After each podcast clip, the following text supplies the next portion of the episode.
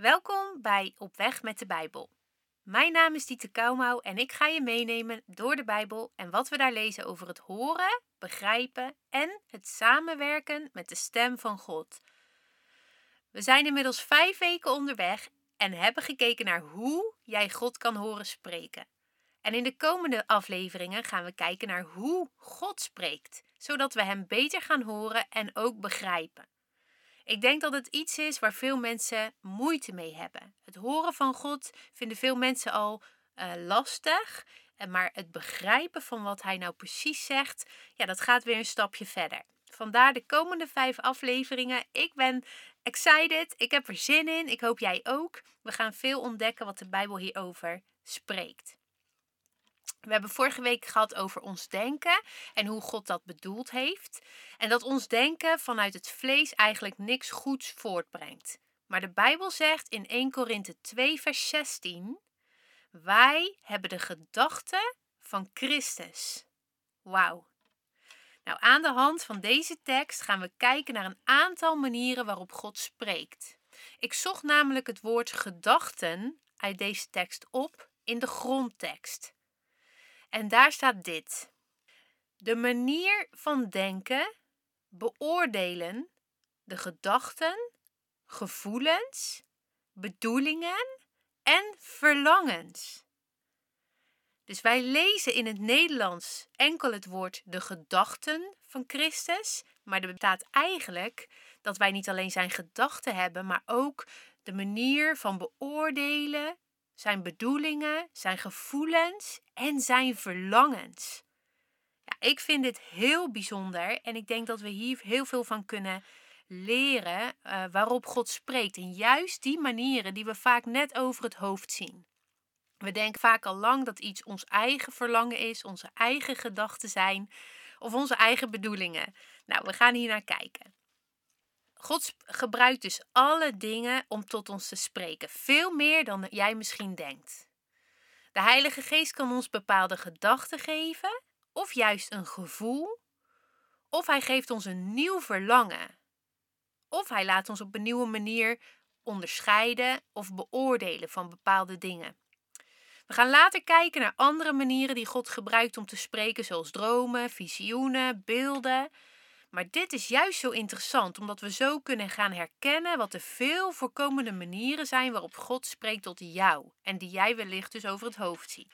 Ik ga je eerst een persoonlijk voorbeeld geven. Vanaf het moment dat ik Jezus leerde kennen, merkte ik dat God vaak aandacht trok door mijn gevoel. Nou, ik heb al eerder verteld over mijn bekering en dat was ook een moment waarin ik heel fysiek de aanraking van God ervaarde. Dus je zou kunnen zeggen dat ik had leren kennen hoe de aanwezigheid van God kan voelen. Nou, nu is God natuurlijk enorm groot en is zijn aanwezigheid niet te vatten in één woord of in één gevoel. Maar ik had daar een stukje van geproefd door mijn bekering. En ik leerde dus dat regelmatig dat ik zijn aanwezigheid voelde en dat dat niet zomaar was, maar dat dat eigenlijk een manier van God was om mijn aandacht te trekken. Dan voelde ik zijn aanwezigheid ineens dichtbij en sterk en ik merkte dat, ja, dat God zijn licht bijvoorbeeld scheen op één persoon of in iets in mijzelf.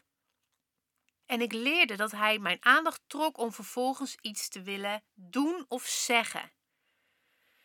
Nou, een ander voorbeeld.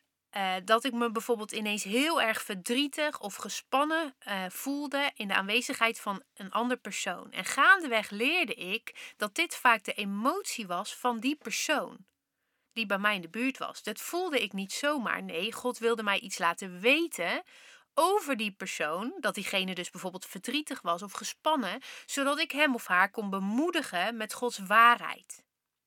En wanneer ik de aanwezigheid van God ineens sterk voelde, leerde ik dus dat vaak uh, God iets wilde doen of zeggen door mij heen, of juist mijzelf wilde aanraken. Het was als een tikje op mijn schouder. Zo leerde ik meer en meer dat mijn gevoel een van de manieren is waarop God dus mijn aandacht trekt om in actie te komen. Zie je dat? Het stopt dus niet bij gevoel. Ik leerde te begrijpen wat God wilde doen. Nou, daarbij leerde ik dus ook heel veel over mijn eigen emoties, stukken waarin ik nog niet geheeld was in mijn emoties en daardoor dus eigenlijk verstoorde dingen ging horen van God. En op het moment dat Hij mij dieper en meer ging genezen, ook in mijn gevoelens, kon ik Zijn stem beter en beter horen door mijn gevoel. Nou, dit is dus een van die dingen. Daar wordt weinig over gesproken. En ik merk ook dat het vaak iets onduidelijk is. Terwijl als ik spreek met mensen die dit ook hebben, zijn dat vaak mensen die erg gevoelig zijn, heel snel overweldigd zijn, vooral in een grote groep. En misschien herken je dit. Nou, vraag eens aan God wat Hij wil doen door jouw gevoel. We gaan het later nog hebben over de gaven van de geest en hoe dit ook werkt met je gevoel. Maar voor nu het verstaan van God en vervolgens leren herkennen wat Hij dus wil doen. Als wij de gevoelens van Christus hebben, kunnen wij dus ook Gods hart voelen voor onszelf, voor een ander of voor een situatie. God deed dit ook bij Jezus. Er staat heel regelmatig dat Jezus met ontferming werd bewogen over mensen of groepen voordat hij een wonder deed. Terwijl Jezus op een ander moment gewoon wegloopt van een groep mensen die hem opzochten en ook een wonder wilden. Nou, nu naar jou.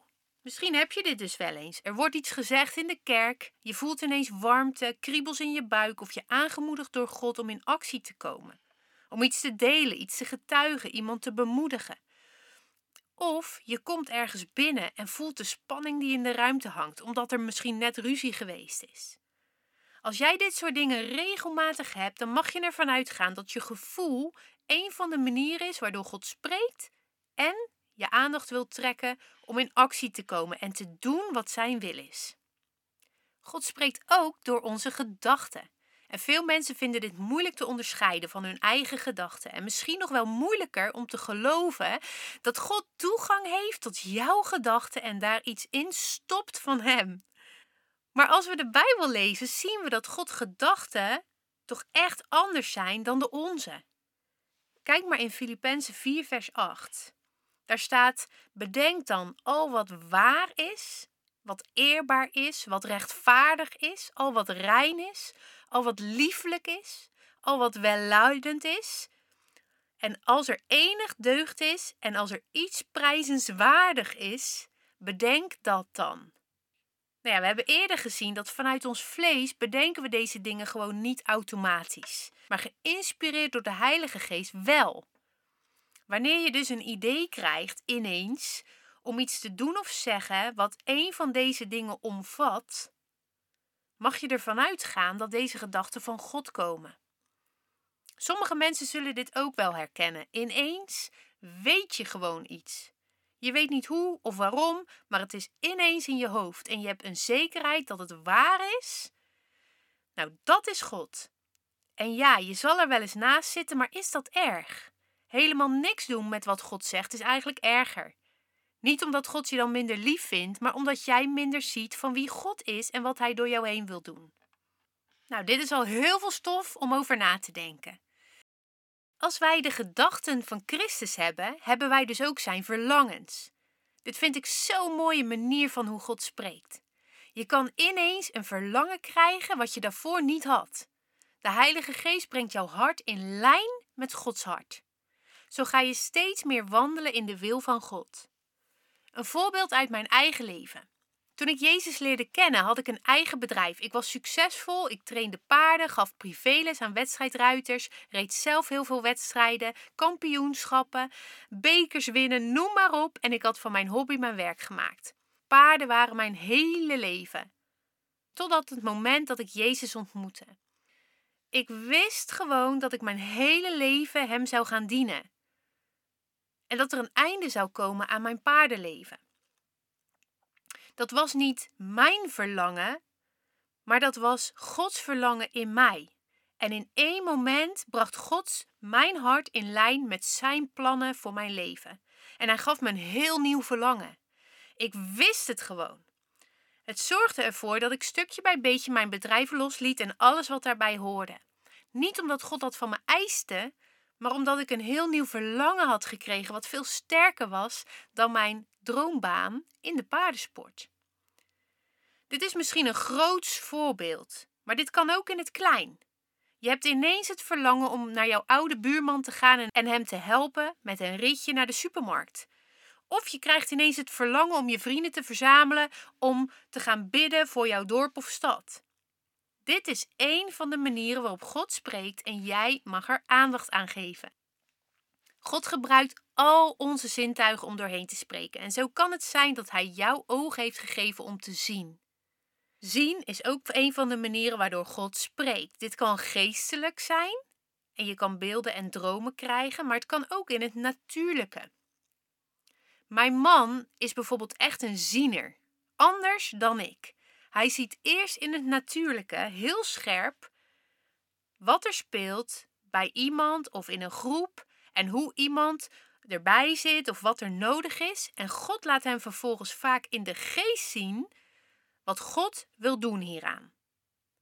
Dus waar ik met name in de geestelijke wereld zie, ziet mijn man als eerst in het natuurlijke. Vergis je niet, dit is niet minder geestelijk, maar juist heel bruikbaar voor God. Wanneer jij dingen sterk waarneemt, wanneer jij ziet van hé, hey, maar diegene lacht wel, maar die is eigenlijk gewoon verdrietig, kan God dit heel goed gebruiken. Je kan de stem van God horen door je gehoor. De kans dat je een hoorbare stem hoort van, van God is klein, maar het kan wel. Maar God kan juist ook dingen highlighten die jij hoort in je omgeving. Een lied, een tekst, iets wat iemand zegt. Je hoort het en het valt je extra op. Dit hoeft niet alleen door christelijke muziek of bijbelteksten te zijn, kan wel natuurlijk. Maar God kan ook spreken door van alles en nog wat. Zelfs door een ongelovig iemand, of zoals de Bijbel zegt, door een ezel. Maar hetgeen wat je hoort is wat God gebruikt om jouw aandacht te trekken en iets op te lichten. Nou, de Heilige Geest kan ook je geur gebruiken om je aandacht te trekken. De geestelijke wereld is vol met geuren. Zo kan je ineens iets ruiken wat er eigenlijk niet is, of juist iets in het natuurlijke, waardoor je ineens bepaalde gedachten krijgt of het idee hebt van hé, hey, God wil iets zeggen door deze geur van deze bloemen die ik nu ruik of misschien iets heel anders. Misschien ruik je de geur van honing en, en spreekt God ineens de gedachte in je, in je hart van het beloofde land vol melk en honing. Nou, het kan van alles zijn. Je kan ook gaan ruiken in je dromen. Ik heb dat regelmatig. Je mag vragen aan God wat Hij wil zeggen. Nou, je hoort het al. De mogelijkheden zijn eindeloos. Kan jij herkennen wat veel voorkomende manieren of een manier is waarop God tot jou spreekt?